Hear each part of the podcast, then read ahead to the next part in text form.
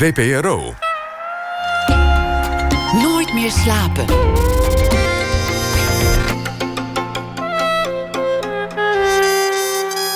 Met Liesbeth Staats. Goedenacht en welkom bij Nooit meer slapen. Mijn gast vanavond heeft een overdonderend cv. Ik weet niet hoeveel schrijvers in Nederland kunnen zeggen dat ze meer dan 100 titels op hun naam hebben staan. Romans, maar ook scenario's voor televisie. Haar werk werd in meer dan 18 talen vertaald en ze verkocht ruim een miljoen boeken in Nederland alleen al. Yvonne Keuls wordt de pionier van de sociaal-realistische roman genoemd. Drugsproblematiek, jongensprostitutie, het kwam allemaal al voorbij in Jan Rap en zijn maat uit 1977, het verrotte leven van Floortje Bloem en de moeder van David S. in de jaren 80. Terwijl ze zo vooraan stond bij deze maatschappelijke ontwikkelingen, begon ze pas relatief laat te schrijven over haar eigen jeugd, haar Indische moeder en de Tweede Wereldoorlog die haar leven zo bepaald heeft. Yvonne Keuls is 88 en bracht deze maand een nieuw werk uit. Ik heb je lief. Teksten waarmee ze met muzikant Max Douw de theaters langs gaat en die lezen als een liefdesverklaring aan Hagenaars en Hagenezen. En drie weken geleden ontving ze de Peter van Stratenprijs van de Rijksuniversiteit Leiden voor de roman Het verrotte leven van Floortje Bloem. Een prijs voor romans die een verhelderend licht werpen op psychische problemen en stoornissen. Welkom Yvonne Keuls. Goed dat je er bent. Ja. Op verzoek tutoyeren we elkaar. Ja, makkelijker. Een prijs voor een roman die 38 jaar geleden ja, verscheen. Dat is, dat is nog nooit gebeurd, geloof ik. Hè? Nee. Geen nee. idee, ja. Ja, ja ik vind het uh, ontzettend leuk omdat het uh, gaat over 80 studenten die een essay hebben gemaakt over een boek wat ze zelf mochten aandragen. En uh, een boek wat dus eigenlijk een aanvulling is op de cursusstof, zeggen ze zelf. En of dat was de opdracht. En Ja. uh, daar waren er tien studenten van die aan waren komen draven met Fleurtje Bloem. Ja, dat was wel uh, even schrikken voor mij. Want- Ik dacht dus dat ze wel een later boek van me zouden nemen. ja.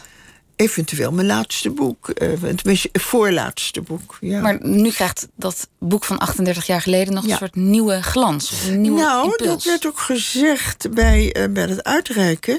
Um, zijn ze dieper ingegaan. Waarom? Um, dat is dus ook zo dat een van de studenten zei tegen mij. Um, als de overheid 38 jaar geleden zich verdiept had in wat jij hebt aangedragen in Floortje Bloem, dan was jeugdzorg niet naar de knoppen gegaan. En dat, dat vond ik eigenlijk een geweldig compliment. juryrapport. Ja. ja. Ja, ik noemde het in de introductie al. Je bent de pionier van de sociaal-realistische roman, zoals dat heet. Ja. Al die onderwerpen. En ik moet Ja. de luisteraar even bijpraten. Dit is radio. Ja. Maar ik kan de luisteraar verzekeren dat, u er eerder, dat je er eerder uitziet als Haagse dame dan als iemand van de straat. Hoe kwamen die Ja. onderwerpen op je pad? Omdat ik altijd op straat ben. Ik kijk wat er om me heen gebeurt. Praat met iedereen en uh, realiseer me eigenlijk helemaal niet dat ik eventueel niet bij die mensen zou horen. Maar ik, ik, ik hoor eigenlijk bij iedereen die mij aanspreekt. En dat, uh, ja, dat blijkt uit mijn verhalen, uit, uit hoe ik schrijf. En, maar ik kom ook wel eens mensen tegen op straat met wie ik een praatje maak. Maar dit zijn heel, meteen super zware onderwerpen. Ja, dat, dat is het ook. Maar ik, kom, ik heb natuurlijk ook eigenlijk een hele super zware uh, jeugd na mijn achtste jaar gehad. Ik, na het zoete Indië mm. kwam ik meteen in de, in de oorlog terecht. Want je bent geboren op Java? In, in Jakarta, maar in mijn paspoort staat nog Batavia. Dan Ja. ben ik, houden we zo. Ja. En, en, en toen je zeven of acht was, ging ja, jullie ik naar Nederland? acht en toen kwam ik in, in Nederland. En ja, eigenlijk meteen de oorlog in. Met een Joodse vader. Dat is natuurlijk nooit best. Nee. maar uh, hij, hij uh, was ook pianist. En hij, uh, ja, hij had eigenlijk maar in, in zijn hoofd alleen maar dat hij mij de Zauberfleuten zou bijbrengen. En wat er verder allemaal gebeurde, vond hij niet zo belangrijk. Dus dat was waar hij op gericht was. Muziek. Nou, dat is natuurlijk toch funest afgelopen. Hij is uh, uh, op een gegeven moment toch uh, uit huis met een razzia. De grote razzia op 21 november. in Den Haag. 1944 in Den Haag. is hij, is hij toch weggehaald. Maar hij had toen al zwaar TBC. En eh, hij zou de oorlog toch niet overleefd hebben. En dat wist hij. Dat wist hij. Ja. En, en toen was je nog een jong meisje? Ja, ik was twaalf. Toen hij overleed? En toen hij overleed, en toen moest ik nog de hele hongerwinter door met twee broers die ondergedoken zaten. Uh, mijn, mijn moeder die, en een zus die in het verzet zat, ook niet thuis. En mijn moeder, die kreeg ik meteen op mijn dak, want die kon niks. Mijn moeder was een Indisch vrouwtje. Niet dat alle Indische vrouwen zo zijn, maar zij was zo.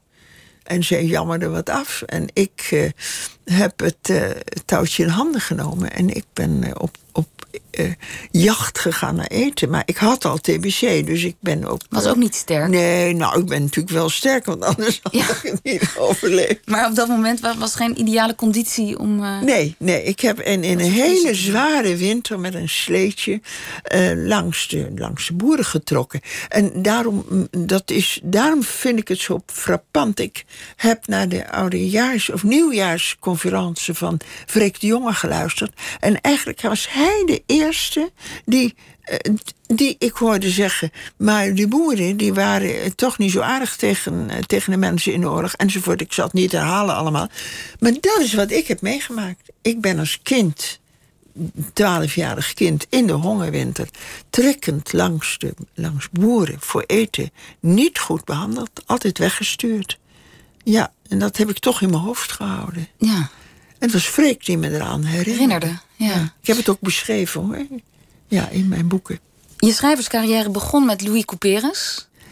Uh, de boeken der kleine zielen? Ik, uh, ja, en daarvoor had ik al uh, één acteurs geschreven hoor. En ik had al een column in de krant. Maar echt de grote opdracht was de boeken de Kleine Zielen. Dat was nog nooit gebeurd, dat moet je niet vergeten. Alleen in Engeland deden ze dat. Hè? De, de, zware literatuur.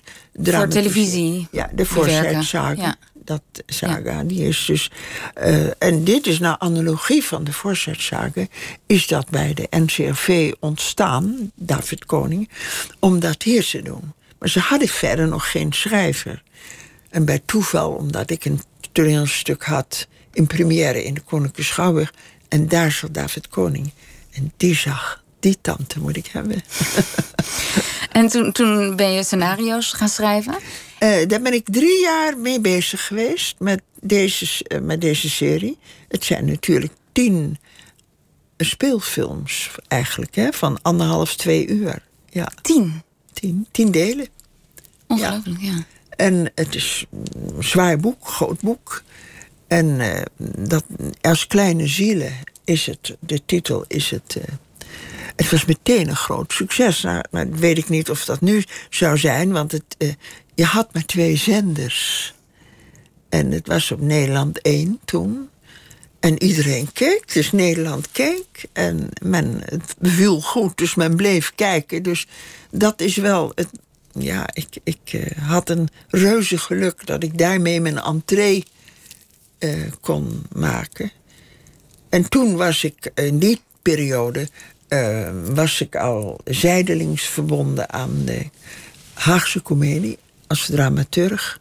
Dus ja, ik zat al in die, in die in die beweging. Ja, maar dan toch vind ik het een, een grote stap van Louis Couperus naar Jan Rappin en zijn maat. Nou, dat, dat is het in wezen wel, maar uh, toch niet. Want ik ben ooit begonnen op een volksschool als, als, on, als onderwijzeres. En daar, uh, omdat ik 53 kinderen had. 53? Boeken, ja, ja, dat was vlak, uh, dus in, in 52. En en geen boeken. Ik kreeg één boekje moest zelf mijn lessen maken. En ik was twintig jaar of zoiets. Hè. Dus het was een hele zware opgave. Maar het was wel een volksschool. En uh, daar ben ik gewoon begonnen. En heb ik dus geschreven. Mijn eerste musical heb ik daar, want ik speelde goed piano. Dus ik heb daar mijn eerste musical geschreven. En wist toen al, dat vind ik leuk, daar ga ik mee verder. Ja. En, en wat zag je daar dan in zo'n volksschool? Wat, wat, wat gebeurde er in, in die klas? Welke verhalen hoorde je? Nou, alles. Ik bedoel, als je geen lesstof hebt, dan ben je genoodzaakt om zelf je lessen te maken. En die put je uit. Ik had een zesde klas. Uit kinderen die dus uh, in een schilderswijk woonden. En uh, in, in een saneringswijk ook nog. En die werden overgeplaatst naar flats. Dus die kinderen waren ontworteld. Dus ik had meteen met ontwortelde kinderen te maken. En dat is wat mij mijn leven lang eigenlijk vanaf dat moment uh, aangetrokken heeft. Omdat ik dus zelf ook die oorlog had overleefd en mijn leven lang een oorlogskind ben gebleven. dus dat, hou je ook. Dus ik zag, het was een spiegel voor me. Ik wilde met die kinderen werken. Nou ja, goed, dat is dan. Ik ben een andere weg opgegaan, maar uiteindelijk met een, met een grote boog toch weer teruggekomen. Maar ik, ik, ik had zoveel succes met de kleine zielen. dat ik het, ja, ik, ik dacht, dit is, dit is mijn leven helemaal niet. Ik kreeg allerlei banen aangeboden. Uh, hoofdafdeling drama van de, van de NCV televisie. Uh, want want uh, David Koning was overleden. En bij de redactie van, van Het Vaderland. meteen, hup. En altijd dacht ik, ja, maar dit, dit is niet mijn leven. Ik wil en toen kwam de, de, het, het, het keerpunt omdat ik lezingen ging geven op middelbare scholen. Um, en daar trof ik kinderen aan de drugs. Ik wist absoluut niet wat dat was, drugs. Liet het mij vertellen. Ik ben zelf een verteller, maar ik wilde weten waarom. En ik had contact ook alweer met die kinderen. En die ging me opbellen. En ja, u gaf, zag ik... Je gaf iedereen uh, je nummer, ja, las ik. dat is dom, hè? Ja, nou ja, dat heb ik gedaan. En toen dacht ik, dit kan zo niet. Er moet iets gebeuren. Toen heb ik uh, met vrienden van mij contact gezocht. En ook met een, directeur, een vrouw, een psychiater. Uh, uh, bij GD in Den Haag. En met elkaar hebben wij toen een opvanghuis. Het eerste opvanghuis in Nederland voor kinderen van 12, vanaf 12 jaar. Um, die om welke reden dan ook, wij zochten nog niet eens uit waarom, dakloos waren. Dus half Nederland liep naar ons toe. We hebben er 260 totaal gehad in een jaar. Ja. En dat was de inspiratie voor Jan Rap en zijn maat? En, dat, en toen heb ik geleerd dat ik eh, daarin uh, het, het beste terecht kwam. Dat paste het meest bij mij. Uh, kinderen die werkelijk in onmogelijke situaties zaten. Er waren heel veel misbruikte kinderen bij. Hè? Dat was ook iets nieuws voor mij. En daar wist ik, als deze kinderen niet geholpen worden, dan. Uh, en er moet iemand zijn. En wij waren met een goed team. Uh, mensen die allemaal eigenlijk op dezelfde manier dachten. Wij moeten hiervoor. Mm de, de, zwerfkinderen in Nederland was iets nieuws. Hè? We dachten allemaal dat het allemaal christelijke mooie gezinnetjes waren. Maar iedereen liep weg. Door de drugs onder andere. Nou, enfin, dat, uh, dit is de aanzet geweest voor mij voor een tien jaar periode. Dat heeft dan tien jaar geduurd. Dat ik me helemaal ingezet heb voor uh, kinderen, jongeren, laat ik het zo zeggen, in, in uh, penibele situaties. Ja. En, en hoe ver ging dat? Heel ver. Nam je ze ook mee naar huis? In het begin wel. Maar behalve dat ik helemaal leeg gestolen werd. Oh ja. nou ja, goed. Met geld kan ik toch niet omgaan. Um, heb ik gezien dat dat gewoon niet kon. En uh, dus ik ben steeds altijd weer onderdak gezocht met kinderen ergens anders. En hoe vonden ze dat thuis? Als er kinderen kwamen? Ja, ja, nou ja, dat weet ik niet. Ik kan niet in hun huid staan, maar het is wel zo dat. Uh, uh, dat heb ik ook in een van mijn boeken gezet. Ik, mijn kinderen hebben er absoluut onder geleden. Wel? Ja, kan niet anders. Maar ik denk dat ze er meer door gegroeid zijn dan ze eronder geleden hebben. Want zij weten wel wat er, wat er is gebeurd in het leven. Ja. Hebben ze daar ooit iets over gezegd? Nee. Nou ja, goed, uh, natuurlijk, af en toe. Maar uh, het is gewoon een, goed, een goede relatie. Ja.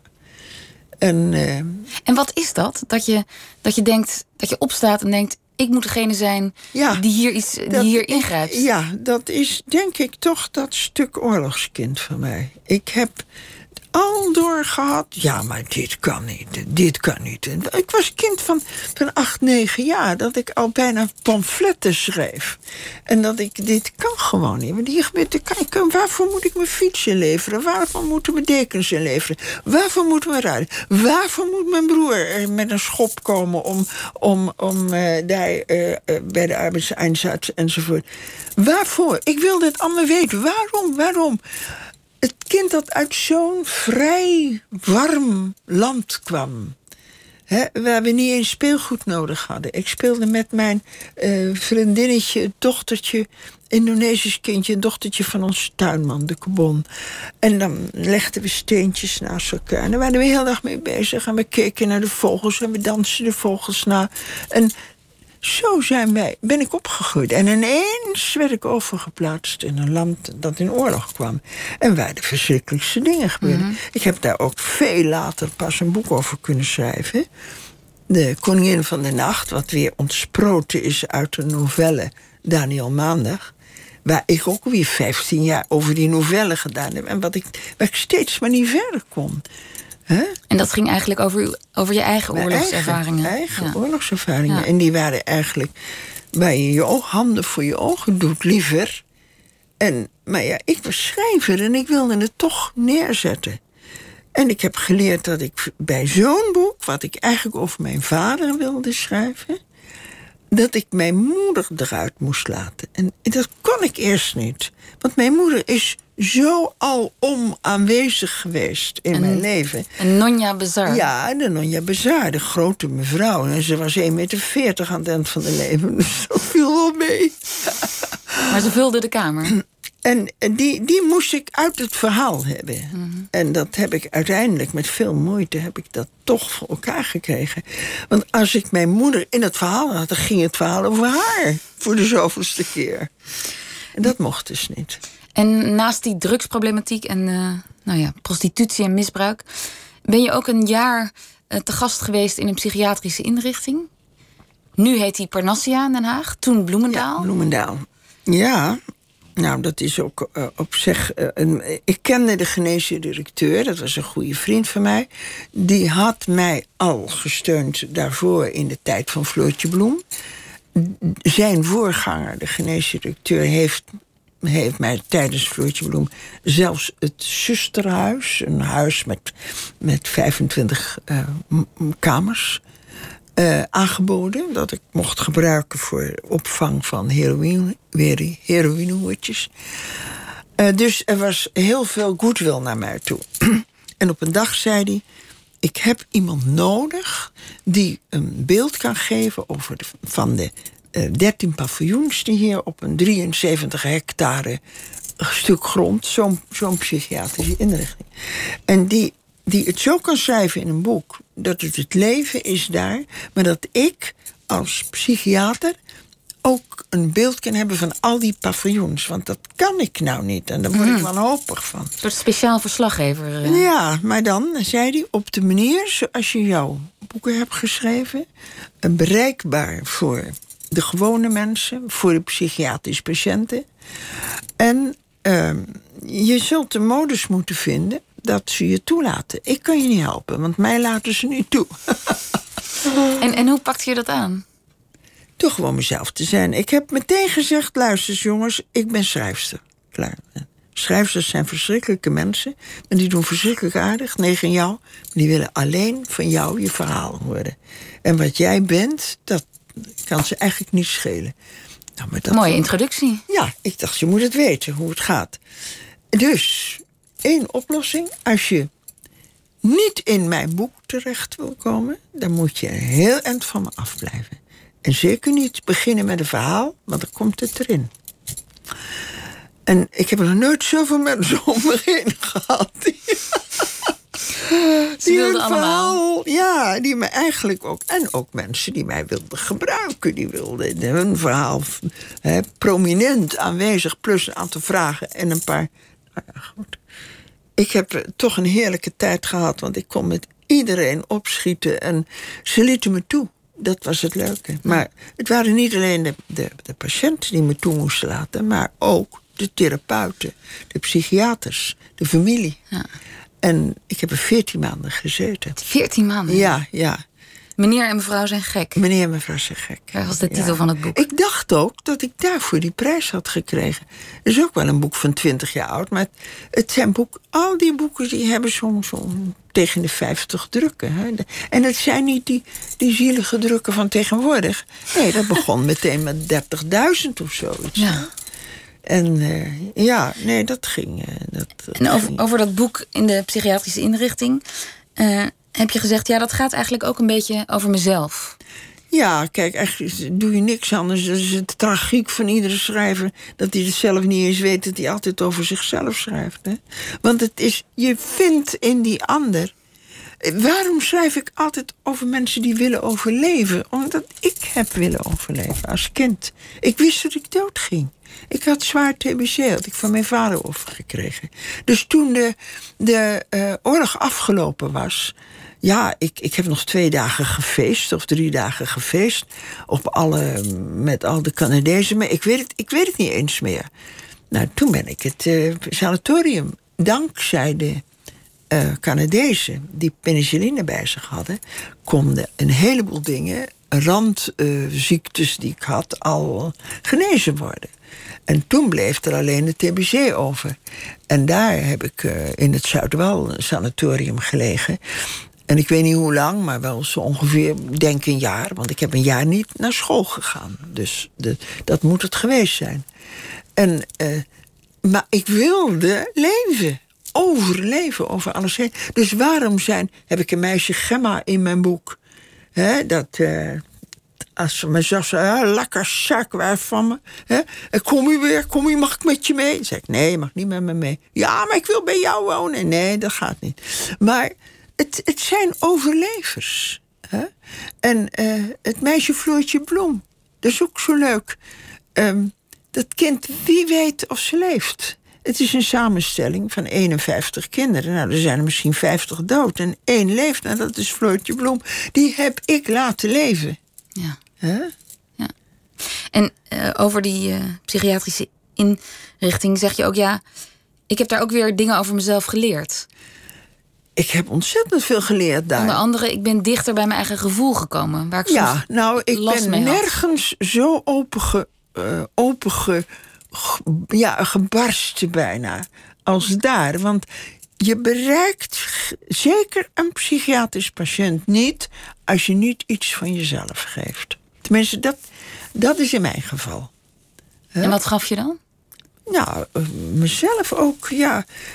Als je gewoon zegt, en, en, jij, ja, als jij ziek bent, dan ga je lekker naar huis, hè? Ja. Uh, ja, je bent een, een beetje een sociale dame, jij. Ja, je kan afnokken wanneer je wil, maar wij zitten hier. Ja, ja. En dan zei ik, ja, ik, ik vind dat ook. Ik vind dat je gelijk hebt. Als ik vond dat, ik gelijk, dat ze gelijk hadden, dan was ik ook één met hun. Ja. ja. En die... Um die, die boeken over, over die realiteit, een beetje die randen van de samenleving, waar de meeste mensen lopen nog steeds graag met een boog om een psychiatrische inrichting heen. Ja, nou, ik, ik nu ook. ik heb het wel gehad. Kijk, je komt er natuurlijk nooit vanaf. Je komt er nooit vanaf. Want um, er zijn mensen waar je, ehm, waar je banden mee krijgt. En de, als je een tijdje niks gehoord hebt, dan ga je opbellen. Ik tenminste ga opbellen. Mm kan me wel voor mijn kop slaan soms, want dan zit ik er weer in. Maar dat doe ik dan toch. Um, maar. Ja, Waarom is dat erg? Eigenlijk? Weet je wat, wat het is? Uh, als je daarmee begint, houdt het niet op. Ja. ik heb dus. ben begonnen met het opvanghuis. En vanaf die tijd, en dat is 35 jaar geleden, zit ik er nog middenin middenin. Ik heb net vanmiddag een verklaring opgestuurd naar een advocaat die mij als getuigendeskundige wil hebben voor een proces wat, wat wij aangaan voor een jongen. Uit die tijd? Uit die tijd, die nu een man is en die, wiens leven verwoest is. En die altijd hiermee bezig is en die door de staat op een verschrikkelijke manier genegeerd is. En nou een advocaat heeft die het aandurft, nu eindelijk, om die staat daarvoor verantwoordelijk te stellen. Nou, en ik ben nog een van de mensen die daar alles vanaf weet. Dus je komt er nooit uit ik kom er nooit, nooit vanaf. En er zijn... Waarom niet? Omdat die mensen er zelf nooit vanaf komen. En omdat ze geleerd hebben dat ze overal weggestoten worden. En dat ze ook geleerd hebben intussen dat ik niet zo gauw iemand wegstoot. Dat is mijn ongeluk, hè? Dat, is, dat, dat moet je ook niet vergeten. Mijn leven wordt hier ook door beperkt. Hè? Dat is, uh, maar zo, zo, zo is het. het ik, ik heb dat geaanvaard, dat, dat, dat, dat, daar toch, dat ik daar toch niet uh, mee op hoef te houden, want het, het, het lukt mij toch niet. En, en zou je het opnieuw doen, zo? Zo intens? Ja, natuurlijk. Ik ben toch mezelf. Ik kom dat toch weer tegen. En, uh, en, en op, in alle vormen heb je dit natuurlijk. En natuurlijk weet ik wel op, op bepaalde manieren... als er weer iemand voor mijn deur staat... Ja, die weer via, via mijn adres... of misschien hoef je dan helemaal geen moeite voor te doen... dan weet je toch. En dan komen ze toch en vinden ze de gewoonste zaak van de wereld... dat ze twee uur van mijn tijd nemen. Maar ik weet wel wie het echt nodig heeft. Mm. Dat weet ik wel. Ja. Maar ik vind het, het, het, het misbruik, zeker van jongens, wat nooit aanvaard is, nooit um, goed bekeken is. Ja, daar heb ik toch heel erg middenin gezeten. Ja, want daar moest ik aan denken toen, toen je vertelde over die zaak... waar je nu als getuige wordt ja, gevraagd. Tuurlijk. In het 1985 eh, kwam het boek uit Annie Berber en het verdriet van een tedere crimineel. Mm. Dat is een enorme rel geworden. Je schreef over een kinderrechter die uh, jongens misbruikte die aan zijn zorg en vertrouwen waren toevertrouwd. Ja. Je zei, ik kan het bewijzen en ik heb het ook aangekaart bij de rechtbank in Den Haag. Ja. Niemand luisterde. Nee. Toen schreef je het boek en de hele wereld viel over jou heen in plaats van over die rechter. Ja, maar dat is logisch. Dat is toch wat er met elke klokkenluider gebeurt? Dat had ik kunnen weten. Ja, is dat zo? nou, ik had het niet kunnen weten, want ik was de eerste klokkenluider. maar ik heb natuurlijk toch... Um, ja, daar heb ik een boek, uh, ook naar de hand, nu nog verleden jaar. Moet je zien, ik zit er, zit er nog middenin. He, dan komt er toch nog weer een, een, een boek wat zijdelings en langzaam aan in het boek een, een hoofdthema gaat mhm. worden. En dan begin ik met, met de vriendschap met Helle Haase. En ik eindig het boek eigenlijk met de grote spanning die er tussen ons komt. Juist door deze het zaak. geval van, van, deze zaak. Omdat... Laten we het daar zo even ja, nog nee, over hebben. Goed. Dan gaan we even naar uh, muziek luisteren. Ja. Op uh, verzoek van Yvonne Keuls draaien we Robert Long. Die Ach, heb je goed ja. gekend. Die heb ik goed gekend en ik vind het een woordkunstenaar. En ik houd zo van de wijze waarop hij de teksten in elkaar zet. Daar gaan we dan goed naar luisteren. Het nummer heet Daar sta je dan en gaat over, ja. over mensen die de code niet kennen. Ja.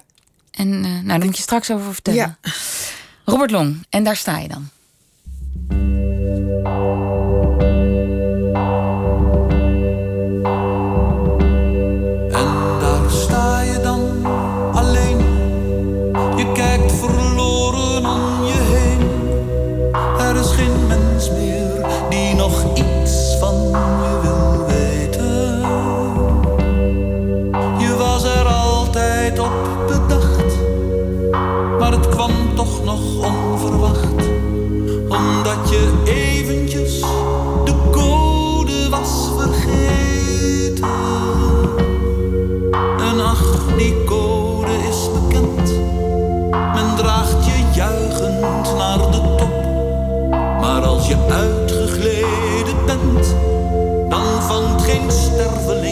Je op.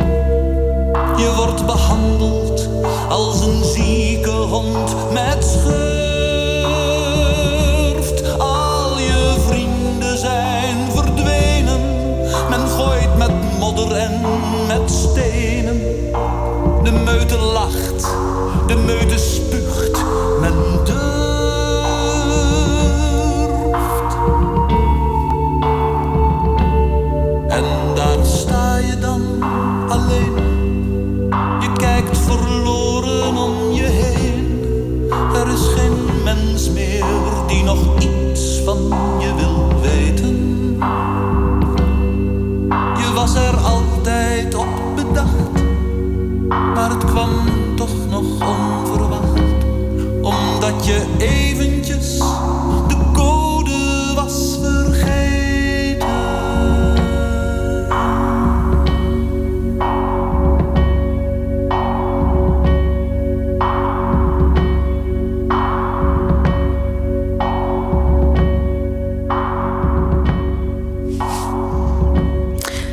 Long en daar sta je dan. Dat is dit op verzoek van onze gast Yvonne Keuls.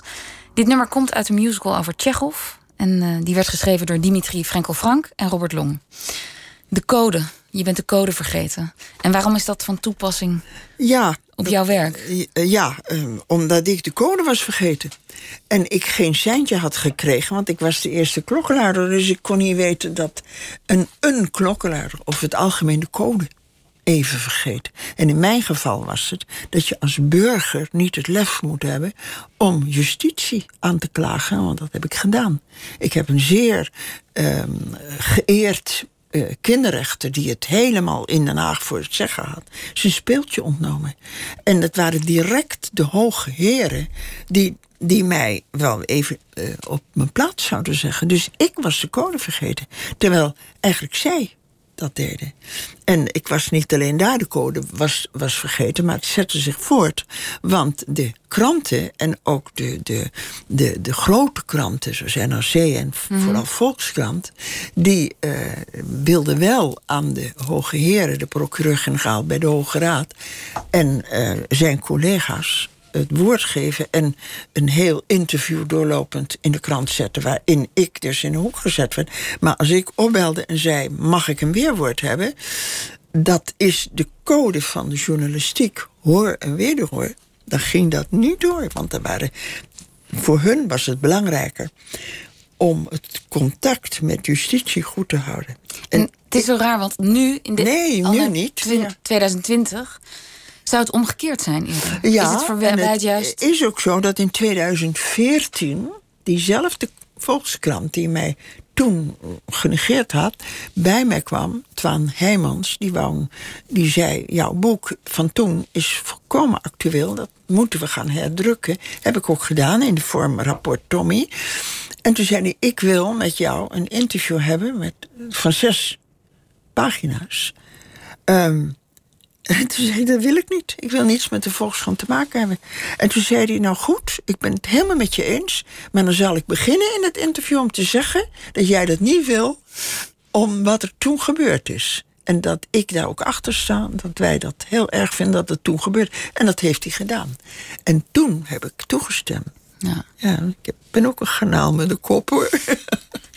En... Um dat, die periode is, is een periode die je de rotste tijd uit je schrijverscarrière noemt. Nou, het is met een tijd van, van ongeveer 35 jaar. Ben ik dus uh, hiermee lastiggevallen. En, en uh, waar maar kon, hebben ze me aangewreven. Ja. Hè? En, uh, ja, je, en persoonlijk? Persoonlijk, een, een heleboel vrienden ben ik kwijtgeraakt. Die het niet zagen omdat ik natuurlijk steeds ook in de krant kwam. Ik werd steeds als dat mens, dat, dat wijf werd ik ook genoemd... die dus zo'n ontzettend aardige kinderrechten um, uh, gewipt had. En ik, daar bleef het niet bij, want de volgende kinderrechten had ik ook te pakken. En die was van Nijmegen. En, maar daar had ik het beter gedaan. Daar waren elf jongens die, uh, die alle elf een aanklacht indienden een aanklacht indienen. En de eerste keer deed ik het verkeerd. Ik ben met één jongen gegaan. Ja. Uh, dat kon nog niet anders, want die anderen die wilden niet gaan... want die hadden zoveel op hun kerfstok. Die dat wordt meteen opgesloten. Ja, nu, nu kun je erom lachen. Ach, wel, ja, ik heb altijd gelachen. Maar, maar zo'n zware periode. Want ik las ook dat, dat, dat het heel somber maakte. Dat je de, de straat niet op durfde. Nee, ik, geliefde ben, straat. nee, ik, ik kon echt de straat niet op. En, als ik het deed, dan, dan, dan... Ik zal nooit vergeten dat ik in de bijenkorf was... en dat ik midden in mijn gezicht gespuugd werd. Ja, door iemand die zei... Uh, wijf, rotwijf, zal nooit weten, vergeten. Hoe durf je die man aan te vallen? Ja. En dat zijn toch dingen... Um, je, daarom zeg ik, en daar sta je dan. Alleen. En ik was ook alleen. Ik, ik, kon, ik kon geen advocaat betalen. Mijn beste vrienden, hè, Hella Haase, die mijn beste vriendin was in die tijd, die, die, ja, die wilde mij niet steunen. Terwijl haar man mij wel steunde. En haar man was ook rechter? Haar man was rechter. En had een brief geschreven naar de procureur-generaal bij de Hoge Raad. Dat wat er, wat er met mij gebeurde door justitie. dat dat volkomen foute boel was. En dat hij daar. Als, uh, uh, hij wilde zo'n werkgever niet. Ja, dat is toch geweldig. Hij nam ontslag. Om die reden? Ja, ja, ja, om die reden. Maar Helle Haase, die, die sprak Nee, niet maar uit. dat is achteraf is het ook weer haar goed recht. Want eh, waarom moest ik haar voor mijn karretje spannen? Als zij dat niet wilde. Zij was een hele andere schrijfster dan ik. Ik was iemand die een standpunt had. En als ik zag dat dat niet kon, dat ik dan zei: Ja, wacht even, ik zal wel even voor jullie op een papier zetten hoe, waarom het niet kan. En dat deed ik ook. Ik had zo'n boek erover geschreven. En ik heb precies geschreven wat, wat er allemaal met die kinderen, dat waren kinderen van kindertehuizen, hè, ehm, wat ermee gebeurde. Hè, en wat er op het Paleis van Justitie gebeurde. Hè, dat, dat beschreef ik ook nog eens. Met stok en zweep werden die kinderen daar geslagen. Door een kinderrechter. Ja. En dat heb ik allemaal aangekaart. En dus was ik een gevaar. Maar je kan ook zeggen, ja, als je vriendschap hebt met iemand... Ja, wat is vriendschap? Kijk, als dan je. sta je op voor elkaar.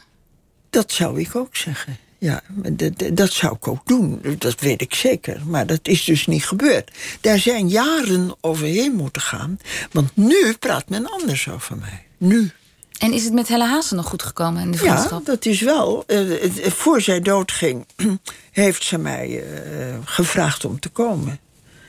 En eh, eh, daar hebben wij een eh, heel duidelijk gesprek gehad. En toen heeft zij mij gevraagd om haar eh, eerste novelle die ze geschreven had... en die wereldberoemd is geworden, Oeroeg... om die voor, eh, voor Carré toneel rijp te maken. En dat heb ik ook gedaan. En... eh, Was dat een soort verzoening? Nee, als dat zo was, dan had ik het niet gedaan. Dat had ik eh, duidelijk gemaakt ook. Maar zij vroeg het mij, omdat ze zei... jij begrijpt Oeroeg beter dan ik. Dat is dus gebleken. Dat in, het, in het boek komt dat ook uit. Door mijn achtergrond. Hè, mijn Indische achtergrond, die zij nooit heeft meegemaakt. Maar toch konden jullie dus samen werken, noem Ja. ik het maar even? Ja, maar toen was het allemaal nog niet gebeurd. Oh, oké. Nee, ik heb dus jaren met haar gewerkt, ongeveer twintig jaar. En eh, eh, het grootste, ik heb het grootste respect voor Helen. Want ik zeg al, ik heb het boek geschreven en kennelijk nodig gehad om dat boek nu nog verleden jaar te schrijven. Toen ik 87 was. Omdat ik wilde onderzoeken in hoeverre ik het recht had haar te vragen om mij te steunen. En tijdens het schrijven ben ik erachter gekomen, ik had dat recht niet. Want het was mijn strijd en niet haar strijd. Zij had andere dingen waar zij voor schreef en streed. En, en, en je- je kan iemand wel vragen. Ik, ik vroeg ook Maarten het Hart om mij te steunen. En die was heel eerlijk. Die zei, nee, eh, dat doe ik niet, zeg. Ik, eh, ik heb meer eh, interesse in Bach en in het welzijn van mijn geit. Dat is wel heel eerlijk, ja. Nou, dat is toch. Maar van hem aanvaarde ik het wel. Ja. Hè? Want Hella had niet zo'n gek antwoord. Hè? Maar, maar dat inzicht over die vraag... en in hoeverre je dat een vriend of een vriendin... Nee, niet. Je mag het nee. niet doen. Dat weet ik nu. Maar dat inzicht heb je niet meer met haar kunnen delen. Ja, eh, eh, Als het boek vorig jaar uitkwam... nee, dat, dat heb ik niet gedeeld. Maar ik denk dat ze toen ze mij vroeg om te komen. En ik wist al dat ze wilde vragen of ik het. een- toneelstuk wilde maken van haar boek in voor Carré. Dat is heel eervol. Maar ik, da- ik had in mijn hoofd, als zij dat doet als verzoening, omdat zij niet zo dood wil gaan, hè, dan doe ik het niet. Ik doe het alleen als zij vindt dat ik de juiste persoon ben om dit technisch voor elkaar te krijgen. En toen zei ze dus dat dat zo was. En toen zei ik, dan, ben ik dan neem ik het aan. Want als je gezegd had, ik doe het omdat ik niet zo dood wil gaan, dan had ik het niet gedaan. En toen zei ze wat uiteindelijk de titel is geworden. Zoals ik jou ken, ken jij mij. En dat is natuurlijk erg mooi. En dat heb ik niet als titel bedacht. Ik had iets heel simpels, wat veel meer bij mij hoort. Eh, mijn jaren met Hella. Het waren 45 jaren.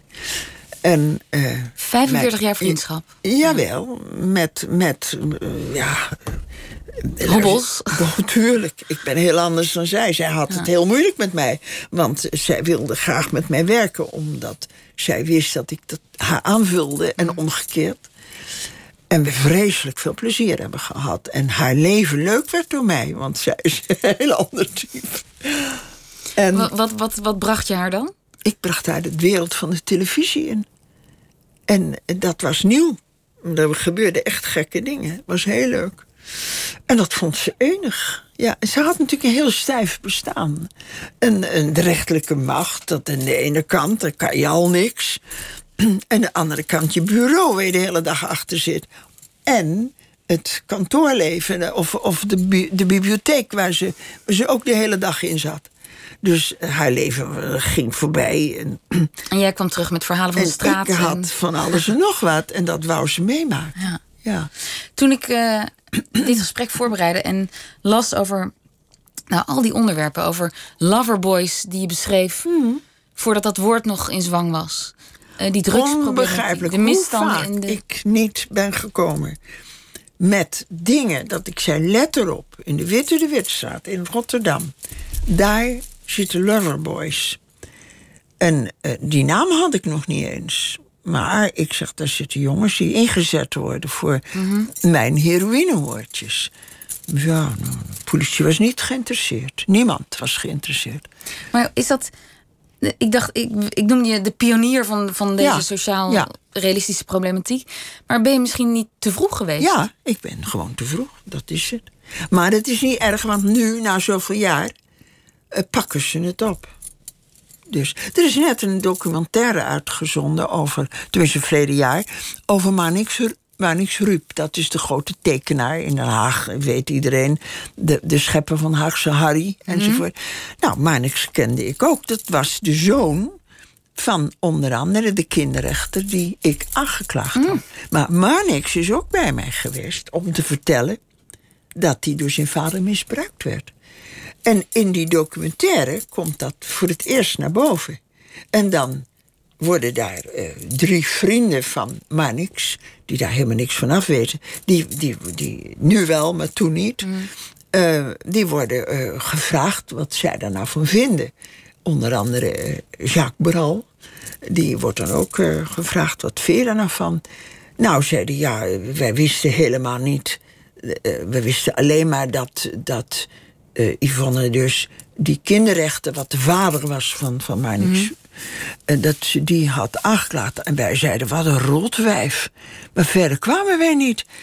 Maar nu weten we dat het waar is. Dus nu zegt iedereen, ja, het is waar. En hoe is dat, dat dat dan nu toch naar boven komt en dat je gelijk krijgt? Nou, het doet me niks meer. Kijk, waar het mij om is gegaan, is dat het. Ik, ik was voor die mensen. Hè?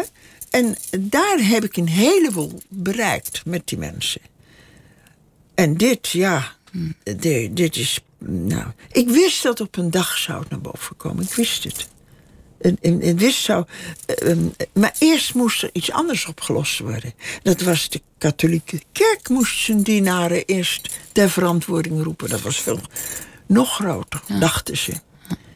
Maar ik vind dit heel groot. Justitie is, dat moet onkreukbaar zijn. Zeker. Dat is, Zeker. was het niet. En de, de waanzinnige populariteit van die boeken, meer dan een miljoen verkocht. In 18 ja, talen volgens mij veel meer, maar dat, dat weet ik ook niet ik meer. kon niet er zijn zoveel, Ik ben degene die langste bij de uitgeverij zit, 44 jaar. En zo'n wisseling van, van. Ik geloof dat ze niet eens weet hoeveel ik. Uh, ja, ik heb zelfs, en dat is, ik ben geloof ik een van de weinigen wiens werk in China is vertaald. Ja, dat is ook leuk natuurlijk. En ik las dat uh, Jan Rap en zijn maat, het toneelstuk, ja. negen jaar op tournee is geweest in Europa. Helemaal. Oh, het was negen. geen dag of het stond ergens op toneel. Ja. En die, die, die, die mateloze populariteit en dat het al die werken klassiekers zijn geworden voor heel veel van mijn generatiegenoten ja. en jonger ook trouwens. Ja. Um, tegelijk vonden recensenten dan dat het werk toch buiten de, de literatuur zou, dat zou staan. best kunnen. ja, dat... Hoe, vond je dat vervelend? Nee, ik dacht, nou, dan hoor ik er niet bij. Klaar, misschien hoor ik er ook niet bij. Ja, het, ik denk dat ik... Uh, veel meer nou ja, in eigen, eigen genre hebben ontwikkeld. Nou ja, zo wat. Het, het, maakt toch ook niet uit, joh. Het is allemaal. Waarvoor moet ik nou ergens bij horen? Dat hoort ook. Dat hoeft niet voor mij. Ik heb zoveel prijzen gehad. De, de grootste prijs is dat ik op een dag hoorde dat ik de meest gestolen schrijver was. De meest gestolen schrijver? Ja, de meest gestolen schrijver. Nou, dat is. Je bent dicht bij doelgroep eh, gebleven. Ja, ik ben echt bij mijn doelgroep. Wat word ik nog meer? Ja. Ik heb zoveel prijzen gehad. En uh, uh, ik heb van, van twee van mijn figuren staat een levensgroot standbeeld in Den Haag op het Frederik Hendrikplein. Wie heeft dat nou? 3000 kilo brons staat. En wie zijn dat? Mijn moeder en haar zuster. Die, daar heb ik mijn moeder een heel boek wat 50 drukken heeft gehad. Ja, wat, waar, waar zit ik nou op te, wachten, eigenlijk? En heeft dat ook te maken met, met jouw opvatting van ja, de, taak van een schrijver is onrecht aankaarten? Nou, nee, dat, dat, dat heb, zo heb ik dat. Ik ben door Jan, Jan van Lelyveld, de rechter, van, de man van, van Hella, die heeft mij een keertje de de lezing gegeven van Solzhenitsyn toen hij de Nobelprijs kreeg. En toen ik die las, dacht ik: Goh, wat hij daar zegt, dat is, dat is eigenlijk waarom ik schrijf. En hij, hij, die woorden weet ik niet precies meer, maar het ging erom. Hij zegt: de taak van de schrijver is uh, signaleren en zuiver informeren. En hij hoeft de oplossing niet te geven. Maar hij moet het signalement geven. Hij zegt, kijk, daar moet je naartoe. Dat, hè? En dan zijn er andere deskundigen... die kunnen niet signaleren en die kunnen niet zuiver informeren misschien... maar die zeggen, ha, dat kan ik gebruiken, maar ik heb wel de deskundigheid en ik kan het oplossen. Mm. En dat zei Solzhenitsyn. En ineens was een lichtkogel die afgeschoten werd. En ineens wist ik, dat ben ik nu al, al 30 jaar aan het doen. Ik signaleer wat er daar gebeurt en ik doe dat heel zuiver. Ik verzin er niks bij. Ik, ik, ik haal er wel de humor uit, want dat hoort bij me. Maar ik geef een beeld. Ik signaleer en ik geef een zuivere informatie. Mensen, andere mensen die moeten er maar wat mee doen. Want ik kan dat niet. Maar voor anderen is literatuur juist een hele eigen wereld. Ja, dat is vooral in Nederland. Juist niets met de realiteit ja, te maken. Ja, dat is vooral. Maar dat is, dat is natuurlijk niet in Engeland. Als je, als je Dickens ziet, dan, dan pakt hij alles wat er gebeurt. Mm Dickens eh, laat zien wat Oliver Twist meemaakt. En geeft een richting aan. En zegt aan mensen die, die zeggen: God, ik wist helemaal niet dat dat er ook was.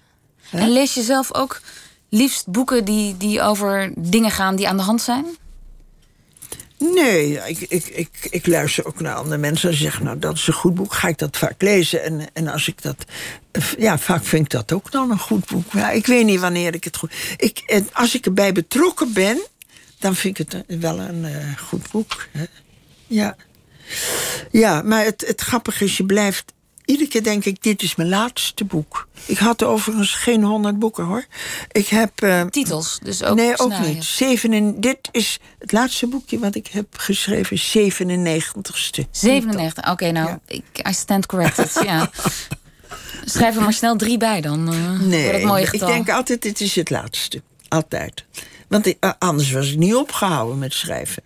En dan had ik doorgeschreven. Maar mhm. op dat moment had ik, was het op. Punt. Ja, ja, en maar ja, de volgende dag ga ik weer naar buiten en dan zie ik weer wat. Dan gaat het weer door, natuurlijk. En de, de, de, de boeken over de Indische jeugd, over moeder. Achteraf bezien, waarom hebben die zo lang tussen aanhalingstekens op zich laten wachten? Uh, nou, uh, dat denk ik omdat ik het ja, ik had het verpakt en toen kwam er een ander leven waar ik heel druk mee was. Hè. Ik heb ook drie kinderen en dat gaat ook allemaal door. Achterkleinkinderen zijn. En achter, ja, nu heb ik dan achterkleinkinderen, maar toen, toen natuurlijk niet. Dat ik alleen nee, nee, nee. Maar ik denk dat het bij toeval is. Mijn, ik ging terug naar uh, Indonesië, naar, uh, en kwam toen in een land waar ik meteen de taal ging praten. Die dus als kind door mij gesproken is. Hè, omdat ik met een uh, Indonesisch meisje speelde. Wat mijn moeder goed vond en mijn vader natuurlijk niet. Want? Dat was zo. Man was daar zo racistisch als ik weet niet wat. dus de blanken die wilden niet dat kinderen uh, speelden met elkaar. Dat, dat, mocht niet. Zelfs Helle Haase, die, die ja, bevriend was met je oudste zus? Nee, maar Hella heeft dat nooit meegemaakt. Dat heeft ze echt verzonnen, of me gehoord. Daarom zei Hella ook tegen mij... jij begrijpt Oerog beter dan ik. Jij moet, het, jij moet er een toneelstuk van maken, niet ik omdat Hella uit een Nederlandse familie ja, kwam? Ja, daardoor. En Hella uh, is ook in, in Batavia geboren. Was een vriendin van mijn zuster. En uh, toen, ze, toen de ouders van Hella hoorden dat mijn moeder een half Javaanse vrouw was, toen mocht Hella niet meer bij ons thuiskomen. Maar in Den Haag, toen ze met mij eh, ging werken, toen was het eerste wat ze vroeg: ik wil je moeder opzoeken. Want die Indische nabijheid van jouw moeder, die heb ik nooit kunnen meemaken. En sindsdien zocht ze mijn moeder op. Ja, dat is een heel verweven geschiedenis ja. eigenlijk geweest. Ja. Van die families. Ja, van de familie. Want mijn zusje, mijn oudste zus, die, eh, die, die was het er niet mee eens dat ik eh, in Nederland dus met Hella omging. Maar ik had dat in Indië niet meegemaakt. Ik was nog te klein toen. Ja. En uh, je zei, ja, schrijven is ook met leed omgaan. Voor mij is dat een manier. Ieder boek wat ik schrijf, daarin verwerk ik iets. En dat merk ik ook fysiek, want er gebeurt er altijd iets. Als nou, ik word meestal ziek. Maar eh, dat heeft om verschillende redenen. Dat heeft ook de reden dat je zo lichamelijk intens arbeid verricht. En ten tweede dat je het psychisch moet verwerken. Ik heb een heel goed voorbeeld, is Floortje Bloem. Daar heb ik anderhalf jaar voor in Rotterdam gelopen. Voor 51 heroïnehoertjes van 12 tot 15 jaar. Die volkomen aan hun lot werden overgelaten. Dat is bijna niet meer nu, nee, nu voor te stellen. Dat die gewoon op straat liepen. Nee, niet, maar dat was toen wel zo. En daar, dat lot heb ik me aangetrokken. En ik liep met een rugzak op mijn rug. Met sinaasappels, met een pers. Met, met medicijnen die ik van alle huisartsen van Rotterdam kreeg. Hè. Die werkten mee. En ik heb pas nog een huisarts ontmoet. De zoon van een huisarts. En die zei, ja, ik weet dat jij van mijn vader medicijnen. Ik zei, ja, dat klopt. Ik kreeg medicijnen van huisarts. ging langs de deur ook echt. Ja, ik heb daar een, ehm, wel een missie gehad, hoor. Anderhalf jaar. En, en tijdens die, aan het eind van die tijd ben ik begonnen het boek te schrijven. En daar ben ik ook een jaar mee bezig geweest. Alles achter de... Met mijn leven thuis. En aan het eind van het boek... Toen dacht ik, dit kind is verloren. Terwijl dat kind dus niet verloren is. Want daar schreef ik naartoe. Ja. En toch wist ik, het kind is verloren. En toen was ik zo uh, emotioneel geraakt... doordat ik alleen maar gehuild heb. En niemand... Ja, iedereen van mijn familie probeerde mij... maar dat lukte niet. En toen, toen zeiden ze, ja, je moet naar een psycholoog gaan. En ik ging de deur uit... Ik had een afspraak met een psycholoog. En als ik naar links zou gaan, dan zou ik richting psycholoog gaan. En als ik naar rechts ging, dan ging ik naar een, een, een, eh, tuincentrum. En ik sloeg af naar rechts. En ik ging naar het tuincentrum en het was december. En daar werden kerstbomen verkocht. En toen zei ik, mag ik kerstbomen verkopen? Als werk? Ja, zei kerstbomen. Hij zei kerstbomen. Ik zei, ja, ik hoef niet betaald te worden, maar mag ik kerstbomen verkopen? En toen zeiden... ja, maar dan moet je wel zo'n kruis inslaan. nou, dat werd me geleerd. Toek, toek, alles eerst scheef. En stond die boom weer scheef, moest het weer los. Ik had maar één probleem. En dat was dat als ik de kerstboom bij de top pakte... en boven de grond losliet, dan moest hij recht staan. Dat was mijn, mijn hele leven, mijn hele grote probleem. Was teruggebracht tot één aanwijsbaar probleem. En daar heb ik dus gestaan. Tot, en dat was helend. En, dat was, en, en, en met kerstmis, toen, toen was ik het over. Toen had ik helemaal geen psychiater nodig. Maar, maar als, als, als schrijven ook met leed omgaan is... Ja. Uh, ben je dan nu een heel opgeruimd mens na al die boeken? Nee, want er komt steeds ander leed natuurlijk. Mm. Hè? Dus ik, ik zie... Uh, ja, eigenlijk ben ik, ben ik altijd met dingen bezig. Uh, zelfs het boek over mijn moeder. twintig jaar geleden heb ik al aangetoond wat er gaat gebeuren als iemand thuis verzorgd kan worden. In mijn, het geval van mijn moeder was het gewoon omdat ze de deur niet, niet ergens anders wou. Maar nu is het zo dat die mensen wel willen, maar niet kunnen. Kunnen, nee. Maar het probleem is hetzelfde. De familie, die staat ervoor. Ik wou nog even zeggen dat het doorgaat, het schrijven. Nou, gelukkig maar. Ja. En dat Wat gaat er komen? ik doorga. En dat er dus nu een, een boekje is gekomen. Ik heb je lief. En dat heb ik met Max Douw gedaan. Ja. En ik vind, ik vind het toch wel erg leuk om, om aan, te, te- aan te geven dat ik zo ontzettend leuk met die jongen gewerkt heb. We hebben gewoon twee jaar op het toneel gestaan. In kleine zalen, in grotere zalen. En we hebben zo'n lol gehad. Hij, ik heb hem straatverhalen gegeven. Zeven straatverhalen. Uit Den En Haag. Hij, uit Den Haag. Ja, maar het had net zo goed ergens anders kunnen zijn. En eh, hij heeft daarbij liedjes gemaakt. Hij is kleinkunstenaar, hij is liedjesschrijver, hij is componist. Het is gewoon een hele talentvolle jongen. Zullen allemaal van hem horen. En die liedjes die staan in dit boekje om en om met mijn verhalen. En er is in twee dagen tijd al een tweede druk. Dus ik ben er heel erg trots op en heel dankbaar dat ik met deze jongen heb mogen werken. Yvonne Keuls, dank voor dit gesprek. En blijf vooral schrijven. Ja. En dan eh, spreken we elkaar weer bij, in ieder geval bij het honderdste boek. Oh, dat is, er- daar hou ik je aan. Tot zover Nooit meer slapen. Maandag hoort u hier Pieter van der Wielen in gesprek met actrice Lies Visgedijk. Vanaf zaterdag is het te zien in de voorstelling Margreet heeft de groep verlaten. Geschreven door Aaf Brand Korstius. Over de verontwaardiging als iemand onverwacht de buurt-appgroep verlaat. Hier gaat verder de Avrotros met Miss Podcast. En ik wens u nog een heel goede nacht.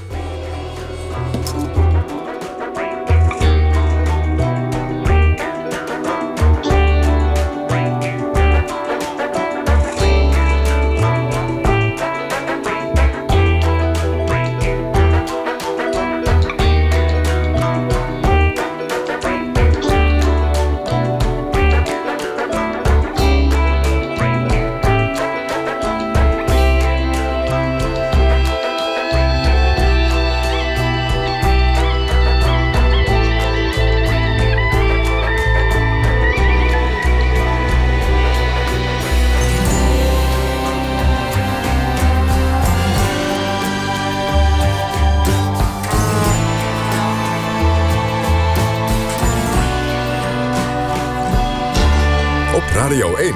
Het nieuws van alle kanten.